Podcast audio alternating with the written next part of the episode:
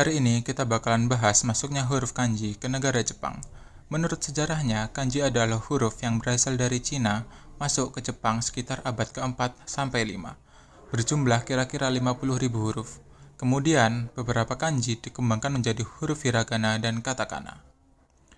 Pada waktu itu, Cina berada di bawah kekuasaan dinasti Kan maka dari itu, huruf berupa gambar-gambar tersebut dinamakan kanji, yang maksudnya huruf dari negeri Kan. Sebelum aksara kanji dikenal orang Jepang, bahasa Jepang berkembang tanpa bentuk tertulis. Pada awalnya, dokumen bahasa Jepang ditulis dalam bahasa Tionghoa dan dilafalkan menurut cara membaca bahasa Tionghoa.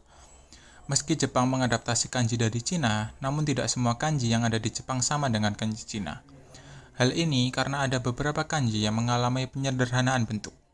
Pada tahun 1900, mulai muncul pendapat untuk membatasi jumlah huruf kanji yang begitu banyak.